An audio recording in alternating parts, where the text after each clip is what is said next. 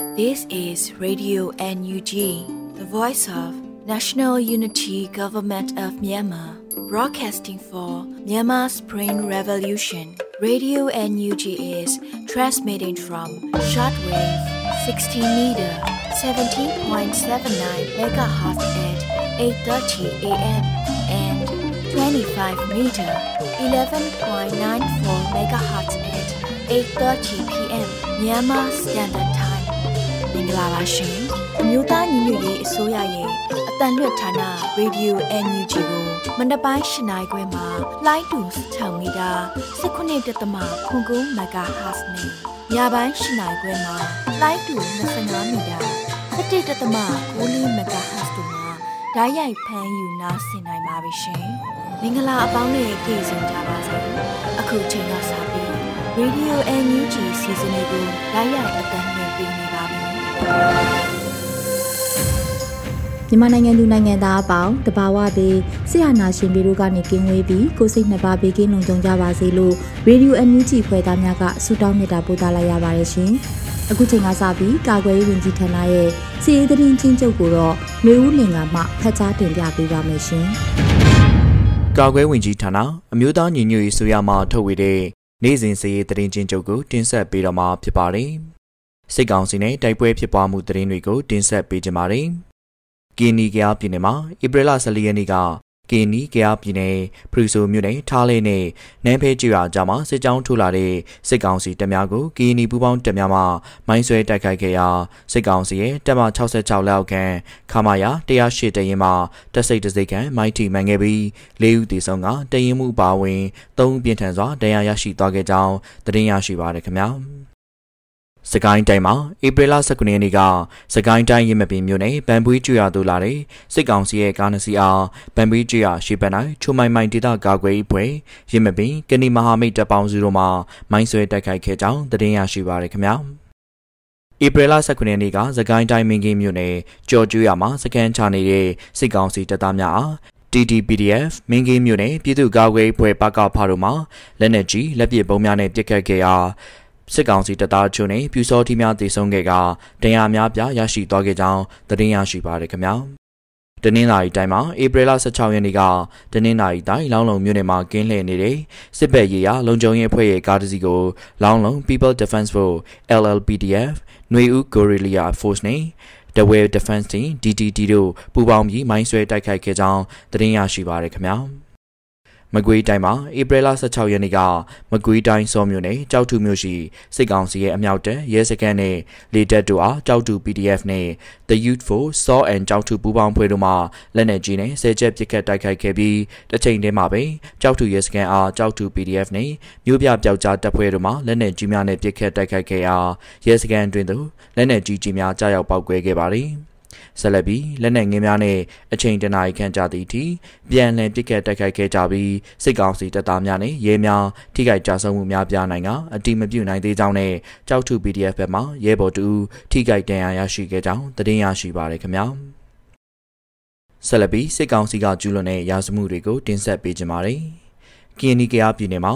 ဧပြီလ19ရက်နေ့ကကရင်နီကယားပြည်နယ်ဖရူဆိုမြို့နယ်လော့ထော်တနော်ကျွော်ဘက်သို့စစ်ကောင်စီမှလက်နက်ကြီးများနဲ့ရန်တမ်းပစ်ခတ်ခဲ့ရာဘုံကြီးကျောင်းပါဝင်ပြည်သူနေအိမ်ချို့ပါထိခိုက်ပျက်စီးခဲ့ရပြီးရွာကန်မြို့သမီးတူလက်နက်ကြီးကြီးစားထိမှန်တရားရရှိခဲ့ကြောင်းသတင်းရရှိပါရခင်ဗျာ။စကိုင်းတိုင်းမှာဧပြီလ16ရက်နေ့ကစကိုင်းတိုင်းစကိုင်းမြို့နယ်တာစင်ကျွော်သို့ဝင်ရောက်၍စစ်ကောင်စီတပ်သားများနဲ့ပြူစောတီများကလူနေတရားကျော်ဝင်ရောက်မိရှို့ဖျက်ဆီးခဲ့ကြောင်းသတင်းရရှိပါရခင်ဗျာ။ တနင်္သာရီတိုင်းမှာဧပြီလ14ရက်နေ့ကတနင်္သာရီတိုင်းပလောမြို့နယ်စစ်ကောင်စီတပ်ဖွဲ့မှကတဲ့ကျွရသို့ရောက်ရှိလာခဲ့ပြီးနေအိမ်များကိုဝင်ရောက်စစ်ဆေးခဲ့ကအမျိုးသား၃ဦးကိုဖမ်းဆီးခဲ့ပြီးတဦးမှအသက်ခံခဲ့ရကြောင်းသတင်းရရှိပါရခင်ဗျာယခုတင်ဆက်သွားတဲ့သတင်းတွေကိုမြေပြင်သတင်းတာဝန်ခံများနဲ့သတင်းဌာနတွေမှာဖော်ပြလာတဲ့အချက်လက်တွေပေါ်အခြေခံပြုစုထားခြင်းဖြစ်ပါတယ်ကျွန်တော်ကတော့ຫນွေဦးလင်ပါ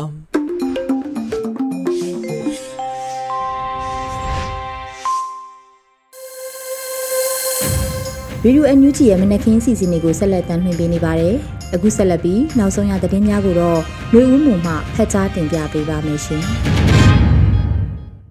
မင်္ဂလာပါရှင်နောက်ဆုံးရသတင်းများကိုတင်ဆက်ပေးသွားမှာဖြစ်ပါတယ်ခုတင်ဆက်မဲ့သတင်းတွေကိုတော့ Radio NUG သတင်းတာဝန်ခံတွေနဲ့ခိုင်လုံတဲ့မိဘသတင်းရင်းမြစ်တွေကအခြေခံတင်ပြထားတာဖြစ်ပါတယ်ကျွန်မຫນွေဦးမော်ပါဒီကနေ့တိုင်းပြည်ရဲ့လိုအပ်ချက်နဲ့ပြည်သူရဲ့တောင်းဆိုချက်ကပြည်ထောင်စုသစ်တရက်နဲ့ တက်မတော်သစ်တစ်ခုတည်ထောင်မှုဖြစ်တယ်လို့ကာကွယ်ရေးဝန်ကြီးဦးရင်မွန်ပြောကြားတဲ့သတင်းကိုဥစွာတင်ဆက်ပေးပါမယ်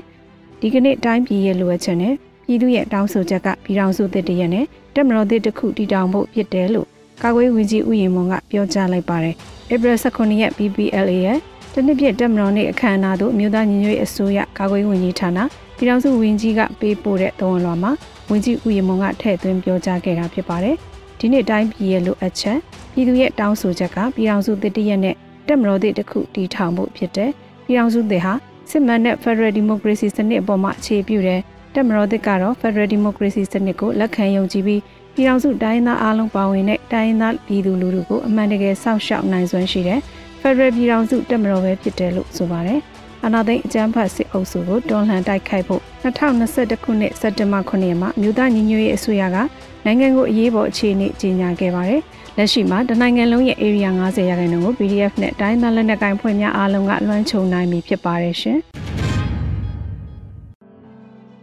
NUG ဆိုတာလေလိုင်းအစိုးရမဟုတ်ပဲတနစ်တာအတွင်းမှာလူသားချင်းစာနာကူညီမှုလုပ်ငန်းတွေအတွက် 1.3ဘီလီယံကျပ်သုံးစွဲနိုင်ခဲ့တယ်လို့ပြည်ထောင်စုဝန်ကြီးဒေါက်တာဝင်းမြင့်အေးပြောဆိုတဲ့သတင်းကိုတင်ဆက်ပေးပါောင်းမယ်။ NUG ဆိုတာလေလိုင်းအစိုးရမဟုတ်ပဲတနစ်တာအတွင်းမှာလူသားချင်းစာနာမှုအကူအညီလုပ်ငန်းတွေအတွက်1.3ဘီလီယံကျပ်သုံးစွဲနိုင်ခဲ့တယ်လို့ပြည်ထောင်စုဝန်ကြီးဒေါက်တာဝင်းမြင့်အေးကဆိုပါတယ်။မြို့သားညီညွတ်အစိုးရလူသားချင်းစာနာထောက်ထားရေးနှင့်ဘေးအန္တရာယ်ဆိုင်ရာစီမံခန့်ခွဲရေးဝန်ကြီးဌာနပြည်ထောင်စုဝန်ကြီးဒေါက်တာဝင်းမြင့်အေးက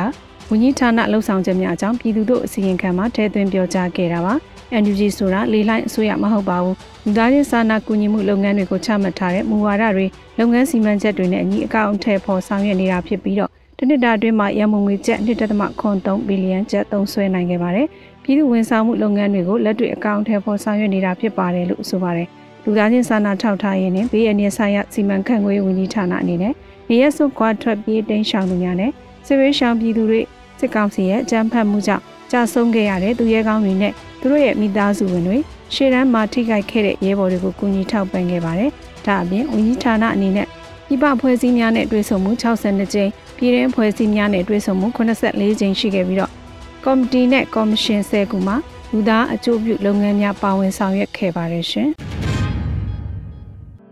ဒရုထချိန်မြပြည်ထောင်စုလွှတ်တော်အစည်းအဝေးကိုဧပြီလ18ရက်နေ့နနက်10:00နာရီမှာကျင်းပမယ်ဆိုတဲ့သတင်းကိုဆက်လက်တင်ဆက်ပေးပါမယ်။ဒရုထချိန်မြပြည်ထောင်စုလွှတ်တော်အစည်းအဝေးကို ဧပြီလ10ရက်နေ့နနက်10:00နာရီမှာကျင်းပမယ်လို့သတင်းရရှိပါတယ်။လွှတ်တော်ကျင်းပနေပုံကိုဓာတ်ရိုက် live ထုတ်လွှင့်မှာဖြစ်တဲ့အတွက်ပြည်သူများသရုထအချိန်မြပြည်ထောင်စုလွှတ်တော်အစည်းအဝေးကိုကြည့်ရှုနိုင်မှာဖြစ်ပါတယ်။ပြည်ထောင်စုလွှတ်တော်သရုထအချိန်အစည်းအဝေးကို2022ခုနှစ်ဧပြီလ18ရက်နေ့နနက်10:00နာရီမှာကျင်းပပြုလုပ်သွားမှာဖြစ်ပြီးတော့စီဝေးမှာမြို့သားညီညွတ်ရေးအစိုးရရဲ့နှစ်ပတ်လည်အစီရင်ခံစာကိုဝန်ကြီးဌာနအလိုက်လွှတ်တော်သို့ဖတ်ကြားတင်သွင်းသွားမှာဖြစ်ပါတယ်။ဆိုပါစည်းဝေးကိုပြည်သူများဓာတ်ရိုက်ကြည့်ရှုနိုင်ဖို့အတွက် ပြည်ထောင်စုလွှတ်တော်ကိုစားပြုကော်မတီရဲ့ Facebook Page မှာလည်းဓာတ်ရိုက်ထုတ်လွှင့်သွားမှာဖြစ်ပါကြောင်းပြည်ထောင်စုလွှတ်တော်ကိုစားပြုကော်မတီကထုတ်ပြန်ပါတယ်ရှင်။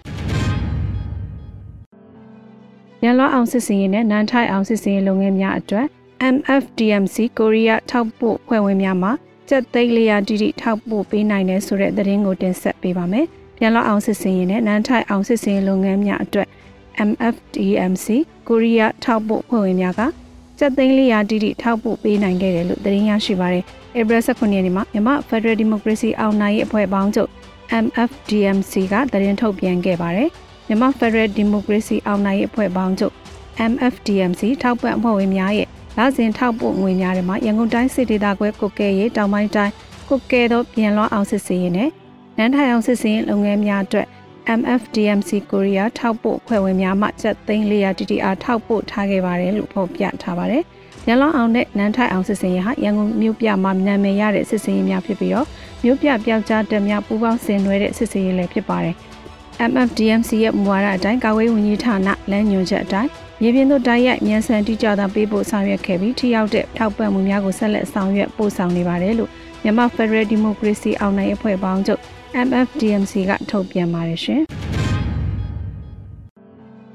နှစ်စန်တရနေ့တွင်ဆီယနာရှင်စန့်ကျင်ရေး Easter Airstrike လှုပ်ရှားမှုပြုလုပ်တဲ့သတင်းကိုတင်ဆက်ပေးပါမယ်။မြန်မာလူမျိုးတွေအတွက်နေတူးနေမြက်နှစ်ဆန်းတရက်နေ့ဖြစ်ပြီးခရစ်ယာန်ဘာသာဝင်တို့ရဲ့နေတူးနေမြက် Easter Sunday နဲ့လာဆုံတဲ့ဧပြီလ18ရက်နေ့မှာလူမျိုးပေါင်းစုံဘာသာပေါင်းစုံများမှပြည်သူများနဲ့အတူဆက်ရှောင်နေရပြီး Easter Act ကျင်းပခွင့်မရသောတိုင်းသားညီကိုမောင်နှမလူမျိုးစုတို့ကိုစားရန်ကုန်လူလူတပိတ်မှပူပေါင်းပါဝင်က Federal Democracy ရရှိရေးဆီယနာရှင်ကြာရှုံးရေးစစ်ပေးရှောင်ပြည်သူတွေအတွက်စူတောင်းပွဲနဲ့တော်လှန်ရေးတွင်ပြည်သူများပါဝင်လာစေရန်လှုံ့ဆော်သောစာသားများရေးသားပြီး Easter Extra Campaign လှုပ်ရှားမှုကိုပြုလုပ်ခဲ့ကြပါတယ်ရှင်။မြို့သားညီညွတ်ရေးအစိုးရအလို့သမားဝန်ကြီးဌာနကလူသမားရေးရနစ်နာမှုအချက်လက်ကောက်ယူရင် တိုင်ကြားမှုရန်ရာနဲ့ဆက်လျင်းတဲ့ကြေညာချက်အမှတ်9မြင်းဆောင်2022ကိုကြေညာတဲ့သတင်းကိုတင်ဆက်ပေးပါမယ်။မြို့သားညီညွတ်ရေးအစိုးရအလို့သမားဝန်ကြီးဌာနကလူသမားရေးရနစ်နာမှုအချက်လက်ကောက်ယူရင်တိုင်ကြားမှုရန်ရာစတင်ကြောင်း2022ခုနှစ်ဧပြီ19ရက်နေ့မှစတင်၍တိုင်ကြားနိုင်မှာကြောင်းနဲ့တိုင်ကြားနိုင်သည့်နည်းလမ်းများနဲ့ဆက်လျင်းတဲ့ကြေညာချက်အမှတ်9မြင်းဆောင်2022ကိုကြေညာလိုက်ပါတယ်။လူသမားရေးရနစ်နာမှုအချက်လက်များကိုလူသမားဝန်ကြီးဌာန complete website မှာတက်ဆင်၎င်းလူသမားဝန်ကြီးဌာန Facebook Messenger ပူမှာတက်ဆင်၎င်း complaint.molmyanmar.org တို့ email ပို့ခြင်းဖြင့်၎င်းတိုင်ကြားနိုင်တယ်လို့ပါရှိပါတယ်။အသေးစိတ်ကိုလူသမားဝန်ကြီးဌာန Facebook စာမျက်နှာမှာဝင်ရောက်ကြည့်ရှုနိုင်ပါတယ်ရှင်။ MI35B လေရင်ပိုင်းလော့ဘုံမူအောင်ကိုစောကို PKI PDF တရင်3632တက်ခွဲ3ကဝါလေရွာနာမှာတနက်နဲ့ပြစ်ခတ်တဲ့သတင်းကိုတင်ဆက်ပေးပါမယ်။ MI35B လေရင်ပိုင်းလော့ဘုံမူအောင်ကိုစောအား PKI PDF တရင်3632တက်ခွဲ3ကဝါလေရွာနာမှာတနက်နဲ့ပြစ်ခတ်ခဲ့တယ်လို့သတင်းရရှိပါတယ်။ဧပြီ18ရက်နေ့သတင်းထုတ်ပြန်ချက်အရ MI35B လေရင်ပိုင်းလော့ဘုံမူအောင်ကိုစောကိုရွှေရောင်မြို့ဝါလေရွာနာမှာတနက်နဲ့တစ်ချက်ပြစ်ခတ်ခဲ့တယ်လို့သိရပါတယ်။ ကြီးထိမှန်ခဲ့တဲ့ဗိုလ်မှူးအောင်ကိုစောကိုစစ်ကောင်စီကားများလုံခြုံရေးယူပြီးတော့နေ့လယ်12နာရီခန့်မှာရန်ကုန်သို့ခေါ်ဆောင်သွားပြီးပေးဆုံးခြင်းရှိမရှိမသိရသေးဘူးလို့ဆိုပါတယ်။စစ်စင်ရေးကို PKI PDF တရင်363ညနဲ့တက်ခွဲ3ကလှုပ်ဆောင်ခဲ့တာဖြစ်တယ်လို့သိရှိရပါတယ်ရှင်။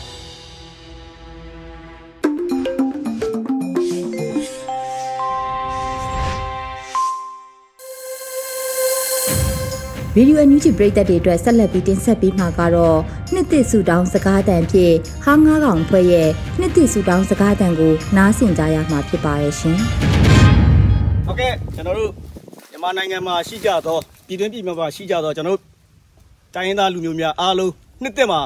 ပျော်ရွှင်ကြပါစေလို့ကျွန်တော်ဆုတောင်းပေးပါတယ်။ကျွန်တော်တို့ရေမစိုးတကြံမှာပါဝင်ပေးတဲ့အတွက်လည်းကျေးဇူးထူးတင်ပါတယ်ခင်ဗျ။ကျွန်တော်တို့ဒီနှစ်မှာရေမစိုးရပါမယ်။နောက်တစ်တွေမှာ ကျွန်တော်တို့ပြည်သူများရေဆိုဖို့အတွက်ကျွန်တော်တို့အားလုံးဝိုင်းဝိုင်းဝန်းပြီးတော့စ조사မယ်ခင်ဗျဟုတ်ကဲ့အခုလိုမျိုးနှစ်သစ်မှာကျွန်တော်တို့ရဲ့မြေအောင်ကလုံးနှစ်သစ်ချင်းကမှာရေမစုတကြမှာပါဝင်ပေးကြတဲ့ပြည်သူများအားလုံးစိတ်ချမ်းသာခြင်းကိုယ်ကျန်းမာခြင်းနဲ့ပြည့်စုံကြပါစေလို့ဆုမကောင်းတောင်းပါတယ်ခင်ဗျဟုတ်ကဲ့ပါကျွန်တော်တို့ပြီးခဲ့တဲ့တကြံဟာဆိုလို့ရှိရင်ကျွန်တော်တို့ရဲ့တကြံမဟုတ်ပဲစစ်အာဏာရှင်လူတစုရဲ့အပျော်တက်တက်တကြံတာဖြစ်ပါတယ်ခင်ဗျာနောက်လာမယ့်နှစ်တွေနှစ်တွေမှာကျွန်တော်တို့ရဲ့တကြံဖြစ်အောင်ကျွန်တော်တို့ရဲ့အတူ တောထဲမှာရှိတဲ့ညီကိုမောင်နှမများအဲမိသားစုများပျော်အောင်ကြံနေမှာကျွန်တော်တို့ကြံဖြစ်အောင်ကျွန်တော်တို့စူးစမ်းပါမယ်လို့ခရီးပေးပါတယ်ခင်ဗျအားလုံးနှစ်သက်မှာပျော်ရွှင်ပါစေဗျာအားလုံးပဲမင်္ဂလာပါအဲကျွန်တော်ဒီနေ့ကြံအတုပေါ့ဗျာဒီစကားစားလုပ်တဲ့ကြံအတုကနေပြီးတော့နောင်လာမဲ့ကြံအစ်စ်ရောက်ရင်အခုလိုဝိုင်းဝန်းကူညီပေးကြတဲ့ညီကောင်မောင်နှမတွေပြည်သူတွေရဲ့တမိုင်းဟာဘယ်တော့မှမဆောင်ရပါဘူး တကြံအစ်စ်မှာတမိုင်းကောင်းတဲ့ပြည်သူတွေနဲ့ဟားငါးကောင်နဲ့ပြန်လည်တွေ့ပြစီခင်ဗျာဒီတကူ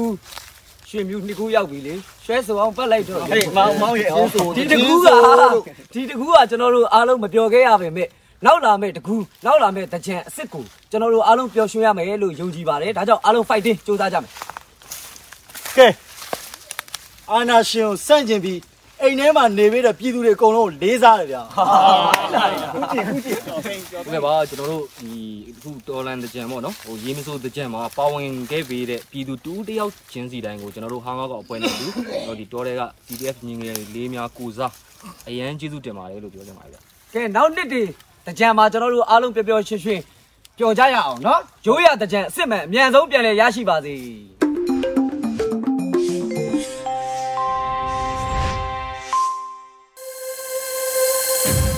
ရေဒီယိုအန်ယူဂျီမှာဆက်လက်တင်ပြနေပါတယ်။အခုဆက်လက်ပြီးပြည်သူခုခံစစ်တရင်များကိုတော့ကြော်နေဦးမှဖက်ကြားတင်ပြပေးပါမယ်ရှင်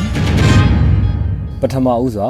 ကရင်နီမှာတက်မ66ခမာရ108မှတရင်မှုဝင်းထိုက်ဆိုမိုင်းဆွဲခံရပြီးအပြင်းထန်ဒဏ်ရာရကတေဆုံးနိုင်တဲ့တဲ့ရင်ကိုတင်ဆက်ပါမယ်။ကရင်ပြည်နယ်မှာနယ်မြေကျူးကျော်ထိုးစစ်ဆင်နေတဲ့အကြမ်းဖက်စစ်ကောင်စီရဲ့တက်မ66ခမာရ108မှတရင်မှုဝင်းထိုက်ဆိုဥဆောင်တဲ့စစ်ကြောင်းကို ကရင်ပူးပေါင်းအဖွဲ့က AB လ14ရက်နေ့မှာမိုင်းဆွဲတိုက်ခိုက်ခဲ့ပြီးတရင်မှုဝင်းထိုက်ဆိုအပြင်းထန်ဒဏ်ရာရကလွိုက်ကော်စစ်ဆေးရုံမှာစေကုသနေကြောင်းဒဏ်ရာပြင်းထန်၍တေဆုံးနိုင်ကြောင်းကရင်အမျိုးသားများကာကွယ်ရေးတပ် KNDF ကသတင်းထုတ်ပြန်ပါတယ်တရင်မှုဝင်းထိုက်ဆိုဥဆောင်တဲ့စစ်ကြောင်းဟာဖရူဆိုမြို့နယ်ထားလဲကြီးရွာနဲ့နန်းဖဲကြီးရွာကြားမှာမိုင်းဆွဲခံရခြင်းဖြစ်ခါ၄ဦးတေဆုံးပြီး ဝင်းထိုက်ဆိုအပါအဝင်၃ဦးဒဏ်ရာရခဲ့ခြင်းဖြစ်ပါတယ်။မိုင်းဆွဲတိုက်ခိုက်ပြီးနောက်ကရင်နီပူးပေါင်းအဖွဲ့မှခဲယမ်းအချို့တင်စီရမိခဲ့ကြောင်းသိရှိရပါတယ်။ဆက်လက်ပြီးဒပင်းမြို့နယ်စိုင်ပြင်ရှိစစ်ကောင်စီတပ်ဖွဲ့များကိုဒေသကာကွယ်ရေးပူးပေါင်းအဖွဲ့ကဒရုန်းများဖြင့်ဘုံကျဲတိုက်ခိုက်တဲ့တဲ့ရင်ကိုတင်ဆက်ပါမယ်။တပင်းမျိုးနယ်စိုင်ပြင်ရှိစစ်ကောင်စီတပ်ဖွဲ့များကိုဒေသကာကွယ်ရေးပူးပေါင်းအဖွဲ့ကဒရုန်းများဖြင့်ဘုံကျဲတိုက်ခိုက်ခဲ့ပြီးစစ်ကောင်စီတပ်ဖွဲ့တွေထိခိုက်မှုရှိခဲ့တယ်လို့ဒေသခံတွေကဆိုပါတယ်။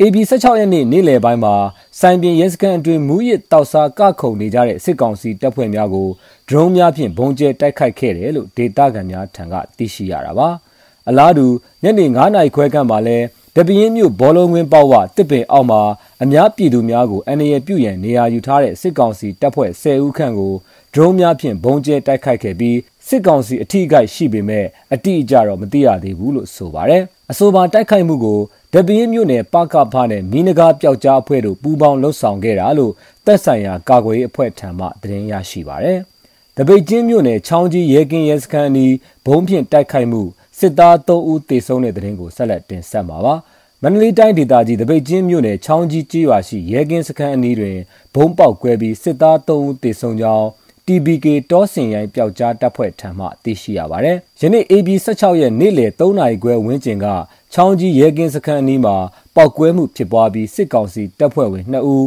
ပွဲချင်းပြီးတေဆုံးကနောက်တဦးမှလည်းစေကူတမှုခံယူစဉ်ထပ်မံတေဆုံးသွားကြောင်းသိရှိရပါတယ်။ထို့သို့ပောက်ကွဲမှုမှာစစ်ကောင်စီဝင်2ဦးမှနေရာတွင်ပွဲချင်းပြီးတေဆုံးခဲ့ပြီးသုံးပွင့်ဗိုလ်ကြီးတဦးအပါဝင်ရဲစခန်းမှုတဦးနဲ့ချောင်းကြီးကြေးရွာစစ်ကောင်စီခန့်အုပ်ချုပ်ရေးမှူးဖိုးထောင်တို့ပြင်းထန်စွာထိခိုက်ဒဏ်ရာရရှိခဲ့ကြောင်း ရင်းနောက်ဒဏ်ရာရရှိသူများထဲမှတဦးထပ်မံတေဆုံးတာကြောင့်စုစုပေါင်းစစ်ကောင်စီတပ်ဖွဲ့ဝင်3ဦးတေဆုံးခြင်းဖြစ်ကြောင်းသိရှိရပါတယ်။ဒါ့အပြင် TBK တောစင်ရိုင်းပျောက်ကြားတပ်ဖွဲ့အနေနဲ့တပိတ်ချင်းမြို့နယ်အတွင်းစစ်ကောင်စီအပါအဝင်စစ်ကောင်စီလက်အောက်ခံမြည်သည့်အဖွဲ့အစည်းကိုမဆိုတက်ညာမှုမရှိဘဲတိုက်ခိုက်သွားမှာဖြစ်ကြောင်းထုတ်ပြန်ချက်မှာဖော်ပြထားပါတယ်။နောက်ဆုံးအနေနဲ့မူဆယ်မြို့မှရဲစခန်း40မမဘုံပစ်လောင်ချပစ်ပစ်ခတ်ခံရတဲ့တဲ့ရင်ကိုဆက်လက်တင်ဆက်မှာပါ။ ရှမ်းပြည်နယ်မူဆယ်မြို့မှရဲစခန်းကို AB လ18ရက်နေ့နနက်7:00နာရီခန့်မှာရှမ်းပြည်နယ်မြောက်ပိုင်း PDF တပ်ဖွဲ့က M79 40မမဘုံပစ်လောင်ချ3လုံးဖြင့်ပစ်ခတ်တိုက်ခိုက်ခဲ့ကြောင်း People Security and Defense Army မူဆယ်တပ်ဖွဲ့ထံမှသိရပါဗျ။အဆိုပါတိုက်ခိုက်မှုကြောင့်ရဲစခန်းအတွင်းရှိအကြမ်းဖက်စစ်တပ်နှင့်ရဲများထိခိုက်ဒေဆုံးမှုအခြေအနေကိုတော့မသိရသေးကြောင်း People Security and Defense Army မူဆယ်တပ်ဖွဲ့ကထုတ်ပြန်ထားပါတယ်ခင်ဗျာ။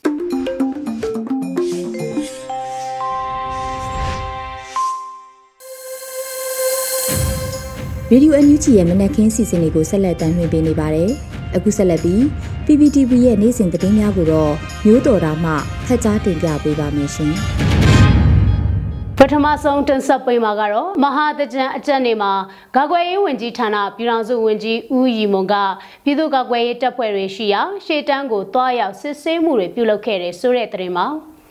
မဟာတကြံအကြက်နေမှာအမျိုးသားညွရေးအစိုးရကာကွယ်ရေးဝန်ကြီးဌာန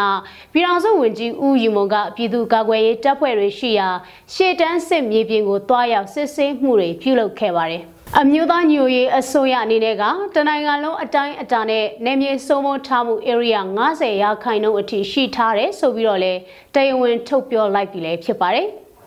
ယာယီသမရကြီးတူဝလရှိလာကလည်းလွတ်မြောက်နေမြေတွေမှာကြားကာလအုပ်ချုပ်မှုနဲ့တရားစီရင်ရေးတို့အတွက်လှုပ်ဆောင်နေတယ်ဆိုပြီးနိုင်ငံတော်ခြေပြုမိန့်ခွန်းမှာထည့်သွင်းပြောကြားထားပါတယ်ကျွန်တော်တို့အနေနဲ့ဘယ်နယ်မြေဘယ်ဒေသဆိုတာအခုသတင်းတွေထဲမှာပါလာတယ်ဆိုလို့ရှိရင်ဒီဒေသတွေဒီနယ်မြေတွေမှာတော့စစ်ကောင်စီဘက်ကမထိန်ချုပ်နိုင်ဘူးဆိုတဲ့သတင်းတွေအများကြီးတွေ့ရတယ် စစ်ကောင်စီဘက်ကမထိန်ချုပ်နိုင်တဲ့နေမြေမှန်သမျှဟာကျွန်တော်တို့လူထုကထိန်ချုပ်ထားတဲ့နေမြေတွေဖြစ်တယ်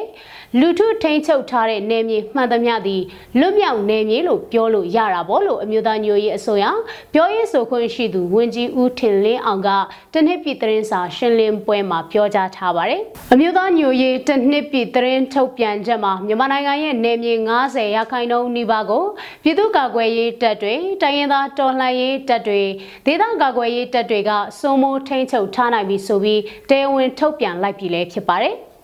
အခုတင်ဆက်မဲ့သတင်းကတော့အကြမ်းဖက်စက်ကောင်စီကမထိန်ချုပ်နိုင်တဲ့နေမြေတွေမှန်သမျှလူထုကထိန်ချုပ်ထားတဲ့လွတ်မြောက်နေမြေတွေဖြစ်တယ်လို့အမျိုးသားညိုရေးအစိုးရကသတင်းစာရှင်းလင်းပွဲမှာပြောကြားလိုက်တဲ့သတင်းမှာ အကြံဖတ်စစ်ကောင်စီကမထိန်ချုပ်နိုင်တဲ့နေမြေတွေမှန်သမျှလူထုကထိန်ချုပ်ထားတဲ့လူမြောက်နေမြေတွေဖြစ်တယ်လို့အမျိုးသားညိုရေးအစိုးရကမနေ့ကပြုလုပ်တဲ့သတင်းစာရှင်းလင်းပွဲမှာပြောကြားလိုက်ပါတယ်။ကျွန်တော်တို့အနေနဲ့ဘယ်နယ်မြေဘယ်ဒေသဆိုတာအခုသတင်းတွေထဲမှာပါလာတယ်ဆိုလို့ရှိရင်ဒီဒေသတွေဒီနယ်မြေတွေမှာတော့စစ်ကောင်စီဘက်ကမထိန်ချုပ်နိုင်ဘူးဆိုတဲ့သတင်းတွေအများကြီးတွေ့ရတယ်စစ်ကောင်စီဘက်ကမထိန်ချုပ်နိုင်တဲ့နယ်မြေမှန်သမျှဟာကျွန်တော်တို့လူထုကထိန်ချုပ်ထားတဲ့နယ်မြေတွေဖြစ်တယ်လူထုထိန်ချုပ်ထားတဲ့နယ်မြေမှန်သမျှသည်လွတ်မြောက်နယ်မြေလို့ပြောလို့ရတာပေါ့လို့ပြည်ထောင်စုဝန်ကြီးဦးထင်လင်းအောင်ကပြောပါတယ်ပြည်သူ့ကာကွယ်ရေးတပ်တွေတိုင်းရင်းသားတော်လှန်ရေးတပ်တွေနဲ့ဒေသကာကွယ်ရေးတပ်တွေဟာနိုင်ငံဧရိယာရဲ့90ရာခိုင်နှုန်းနီးပါးကိုစုံမိုးထားနိုင်ပြီဖြစ်တယ်လို့လည်းဒီကနေ့အစိုးရတနှစ်ပြည်သတင်းစာရှင်းလင်းပွဲမှာသတင်းမီဒီယာတွေရဲ့မေးမြန်းမှုကိုတာဝန်ယူဖြေကြားပေးနေတဲ့ Press Secretary ဖြစ်သူဦးနေဘုံလက်ကပြောကြားပါရယ်။ကျင်ညာဖို့အစီအစဉ်ရှိပါတယ်။အဲ့ဒီအစီအစဉ်လည်းမကြခင်တော့ဘယ်နေရာဘယ်ဒေသကိုလွတ်မြောက်နေမည်အဖြစ်ကျင်ညာရဲဆိုတာမျိုးတော့ပြင်ဆင်မှုတွေပြီးမြောက်တဲ့အခါဆောင်ရွက်သွားဖို့ရှိပါတယ်လို့ဦးနေဘုံလက်ကပြောပါတယ်။ နေရာတနေရာကိုလွတ်မြောက်နေမည်အဖြစ်ကြေညာနိုင်ဖို့ပြင်ဆင်မှုတွေများစွာလှုပ်ဆောင်နေရတာဖြစ်တယ်လို့လည်းသူကရှင်းပြပါတယ်။ဘယ်မျိုးတွေဆိုတဲ့ဟာတရားဝင်ထုတ်ပြောဖို့အခုလောလောဆယ်မှာတော့မဖြစ်နိုင်သေးပါဘူး။ဒါပေမဲ့လိုအပ်တဲ့ပြင်ဆင်မှုတစ်ခုရှိပြီးရင်တော့တစ်ချိန်ချိန်မှာတော့ကြေညာမှာပါ။အဲ့ဒီလိုကြေညာတဲ့အနေအထားရောက်ပြီဆိုရင်အလုံးလည်းသိကြတဲ့အတိုင်းအခုဆိုရင်လွတ်မြောက်နေမည်လို့ကြေညာဖို့မပြောနဲ့ဒီတိုင်းအောင်မှထိုးစစ်တွေလေရင်တွေရောလက်နက်ကြီးတွေရောအကြမ်းဖက်စစ်ကောင်စီကတောက်လျှောက်ထိုးစစ်ဆင်တဲ့တိုက်ခိုက်တာတွေရှိနေတယ်ပေါ့နော်အဲ့ဒီအတွက်ကြောင့်ဒီလိုမျိုးကိစ္စတွေကိုတရားဝင်ကြေညာတဲ့အခါမှာအများကြီးကျွန်တော်တို့စဉ်းစားရပါတယ်လို့ရှင်းလင်းပြောကြားခဲ့ပါတယ်ဒါပြင်ဦးနေဘုံလက်ကကာကွယ်ရေးဝန်ကြီးဌာနအနေနဲ့ပြည်သူ့ကာကွယ်ရေးတပ်ဖွဲ့တွေကိုလက်နက်တပ်ဆင်မှုအခြေအနေတွေကိုလည်းရှင်းလင်းဖြေကြားခဲ့ပါတယ်။ဝန်ကြီးဌာနအနေနဲ့ရရှိလာတဲ့ငွေကြေးတွေအနက်က90ရာခိုင်နှုန်းကျော်ကိုလက်နက်ခဲယမ်းတပ်ဆင်မှုအတွက်အသုံးပြုနေတာဖြစ်တယ်လို့သူကပြောပါတယ်။ လွတ်ချက်များစွာရှိနေသေးပေမဲ့အတိုင်းအတာတစ်ခုအထိရကင်ထက်များစွာဖြည့်တင်းနိုင်ပြီဖြစ်တယ်လို့လည်းအသိပေးထားပါတယ်။လက်နက်ခဲယမ်းဖြည့်တင်းတဲ့ဆိုတဲ့ကိစ္စကိုပဲတဖြည်းဖြည်းနဲ့စနစ်တကျဖွဲ့စည်းနေတဲ့တိုက်ရင်တပ်ဖွဲ့တွေကိုလက်နက်တပ်ဆင်ရတယ်လို့ပဲဒီဘက်မှာတိုက်ပွဲတွေကလက်ရှိလည်းဖြစ်နေတဲ့အနေအထားမှာလက်ရှိဖြစ်နေတဲ့တိုက်ပွဲတွေအတွက်လည်းလက်နက်ခဲယမ်းမိကြောက်ဖြည့်တင်းရတဲ့အနေအထားပေါ်လို့ဦးနေဘုံလက်ကပြောပါရယ်။ လက်ရှိမှာပြည်သူ့ကာကွယ်ရေးတပ်ဖွဲ့ဝင်တွေဟာညီနောင်မဟာမိတ်တွေနဲ့အတူပူးတွဲတိုက်ပွဲဝင်နေမှုတွေရှိနေတယ်လို့လည်းသတင်းစာရှင်းလင်းပွဲမှာပြောကြားထားတာတွေ့ရပါတယ်။ဆက်လက်တင်ဆက်ပေးမှာကတော့အမေရိကန်နိုင်ငံမှာမြို့သားညိုရေးအစိုးရတနစ်ပြည့်ဖြစ်တဲ့အစိုးရအဖွဲ့ဝင်ကြီးတွေတိုင်းရင်းသားတွေကဟောပြောမှုတွေပြုလုပ်ခဲ့တဲ့ဆိုတဲ့သတင်းမှာ အမေရိကန်နိုင်ငံဝါရှင်တန် DC မှာအမျိုးသားညိုရေးအစိုးရတနစ်ပြည့်ဖြစ်မနေ့ကဆီယနာရှင်ခြုံငင်းရေးဆန္ဒထုတ်ဖော်မှုတွေပြုလုပ်ခဲ့ရာအစိုးရဖွဲ့ဝင်ကြီးတွေတိုင်းရင်းသားတွေကဟောပြောမှုတွေပြုလုပ်ခဲ့ကြပါတယ်။ဟောပြောမှုကိုလူအခွင့်ရေးဝင်ကြီးဌာနပြည်ထောင်စုဝင်ကြီးဦးအောင်မျိုးမင်းဆက်သွယ်ရေးသတင်းအချက်လက်နဲ့ဤပညာဝင်ကြီးဌာနပြည်ထောင်စုဝင်ကြီးဦးထင်လျောင်နိုင်ငံခြားရေးဝင်ကြီးဌာနတူဝင်ကြီးဦးမိုးစောဦးတို့အပါအဝင်တိုင်းသားညီကိုမောင်နှမတွေကဟောပြောမှုတွေပြုလုပ်ခဲ့ကြပါတယ်။ အမေရိကန်ရောက်မြန်မာပြည်ဖွားတိုင်းရင်းသားတွေဆန္ဒထုတ်ဖော်မှုကိုအမေရိကန်စံတော်ချိန်မွန်းလွဲ12နာရီခွဲကနေ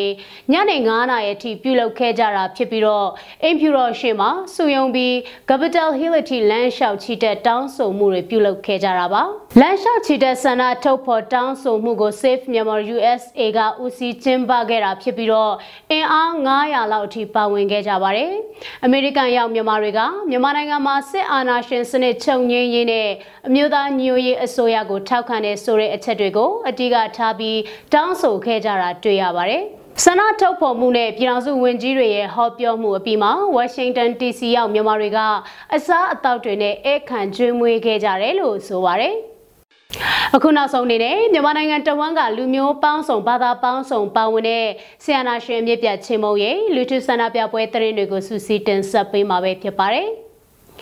စကိုင်းတိုင်းကလေးမြို့မှာလည်းကလေးမြို့ပင်မတပိတ်စစ်ကြောင်းကဆီယနာရှင်စန့်ကျင်ရေးအဖြစ်နဲ့434ရက်မြောက်ဆန္ဒပြတပိတ်ကိုနှစ်စန်းတရက်နေ့ဖြစ်တဲ့ဒီကနေ့မှာကျင်းပပြုလုပ်ခဲ့ကြပါတယ်။ ဆန္ဒပြပြည်သူတွေတပြေပန်းများကင်ဆောင်ပြီးနှစ်သက်မှာအကြမ်းဖက်ဖက်စစ်မိတ်ဆာတွေကိုတန်ပုံးတီးကမောင်းထုတ်ဆန္ဒပြခဲ့ကြတာပဲဖြစ်ပါတယ်။စကိုင်းတိုင်းရွှေဘိုမြို့ရဲ့ရွာတရွာကပြည်သူတွေလည်းအကြမ်းဖက်ဆီယနာရှင်ချင်းမုံရေးဆန္ဒပြတပိတ်ကိုဒီနေ့မှာပြုလုပ်ခဲ့ကြပါတယ်။ ဆန္ဒပြပြည်သူတွေအမျိုးသားညွရေးအစိုးရကိုထောက်ခံကြိုးဆိုတဲ့စာသားတွေကင်ဆွဲထားသလိုဆီယနာရှင်စန့်ကျင်ဟစ်ကြွေးတန်တွေနဲ့ချီတက်ဆန္ဒပြခဲ့ကြတာပါစကိုင်းတိုင်းရမပင်ခရိုင်ထဲကရမပင်အရှိချမ်းနဲ့စလင်းကြီးမြောက်ချမ်းတို့ပူးပေါင်းထားတဲ့ရွာပေါင်းစုံတပိတ်စစ်ကြောင်းကလည်းဒီနေ့မနက်မှာဆီယနာရှင်စန့်ကျင်ရေး403ရက်မြောက်ဆန္ဒပြပွဲကိုပြုလုပ်ခဲ့ကြပါတယ် ဆန္ဒပြပြည်သူတွေကအကြံပတ်ဆရာနာရှင်ကြရှုံးရေးဟစ်ကြွေးတန်တွေနဲ့ဆန္ဒပြချီတက်လှည့်လည်ခဲ့ကြတာပါတနင်္သာရီတိုင်းထဝယ်ခရိုင်ရေဖြူမြို့နယ်ဧကနိကျေးရွာမှာလူငယ်တွေစုပေါင်းပြီးတော့အကြမ်းဖက်ဆရာနာရှင်စန့်ကြေးဆန္ဒပြတပိတ်ကိုနှစ်ဆန်းတရက်နေ့ဖြစ်တဲ့ဒီကနေ့မှာပြုလုပ်ခဲ့ကြပါတယ်။ ဆန္ဒပြလူငယ်တွေရေဖြူမြို့နယ်တော်လှန်တကြံဧကနိရွာဆိုတဲ့စာသားတွေကင်ဆောင်ပြီးအကြံဖက်ဆီယနာရှင်စန့်ကျင်ရေးဟစ်ကြွေးတန်တွေနဲ့ဆန္ဒပြချီတက်လှည့်လည်ခဲ့ကြတာပဲဖြစ်ပါတယ်။စကိုင်းတိုင်းမုံရွာမြို့ရဲ့မုံရွာပင်မတပိတ်စစ်ကြောင်းကဒီနေ့မနက်မှာမုံရွာမန္တလေးကားလမ်းမကြီးတွေပေါ်မှာအင်အားအပြည့်နဲ့ဆီယနာရှင်စန့်ကျင်ရေးချီတက်ဆန္ဒပြမှုကိုပြုလုပ်ခဲ့ကြပါတယ်။ဆန္ဒပြပွဲကိုပြည်သူ့ကာကွယ်ရေးတပ်တွေလုံခြုံရေးယူပေးခဲ့ပါတယ်။ ဆန္ဒပြပြည်သူတွေကနှစ်သက်မှာအာသစ်လောင်း၍နိုင်ငံတစ်ကိုရဲရဲတိဆောက်ကြဆိုတဲ့စာသားတွေကင်ဆောင်ခဲ့ကြသလိုပြည်သူလူထုပေါင်းစုအားဖြင့်ဆီယနာရှင်စနစ်ကိုဖြိုဖျက်ကြလူထုအားဖြင့်တော်လှန်ရေးအောင်နိုင်စေဆိုတဲ့ဟစ်ကြွေးတန်တွေနဲ့ဆန္ဒပြချီတက်ခဲ့ကြတာပါ။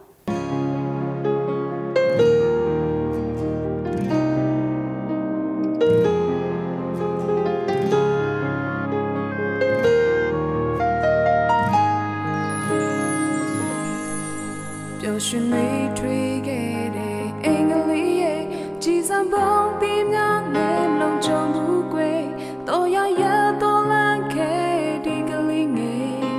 မိုးကလေးနဲ့အေးစက်နေခဲ့နေညူရင်ကစားရတော့မေဒီကလေးငယ်ကြောက်ရွံ့သောကြောင့်တဲ့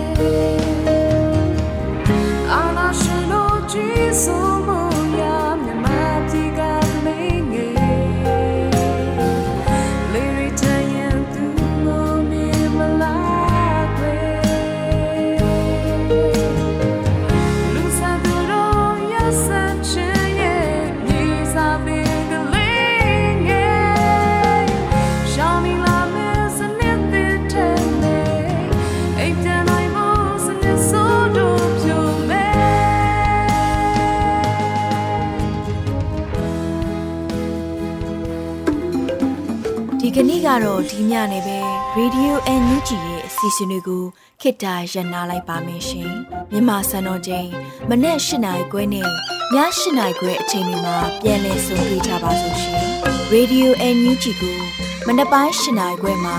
လိုင်းတူ16မီတာ19တက်တမခုကူမဂါဟတ်နဲ့ညပိုင်း၈နိုင်ခွဲမှာလိုင်းတူ25မီတာ17တက်တမ9မဂါဟတ်တို့မှာဓာတ်ရိုက်ဖမ်းယူနားဆင်နိုင်ပါပြီရှင်။ မြန်မာနိုင်ငံသူနိုင်ငံသားများကိုစိတ်နှဖျားစမ်းမချမ်းသာလို့ဘေးကင်းလုံခြုံကြပါစေလို့ Radio NUG ရဲ့ဖွဲ့သူဖွဲ့သားများကဆုတောင်းလိုက်ရပါတယ်။ San Francisco Bay Area အခြေဆိုင်မြန်မာမိသားစုများနိုင်ငံတကာကစေတနာရှင်များလိုအားပေးများရဲ့ Radio NUG ဖြစ်ပါတယ်ရှင်။အရေးတော်ပုံအောင်ရမည်။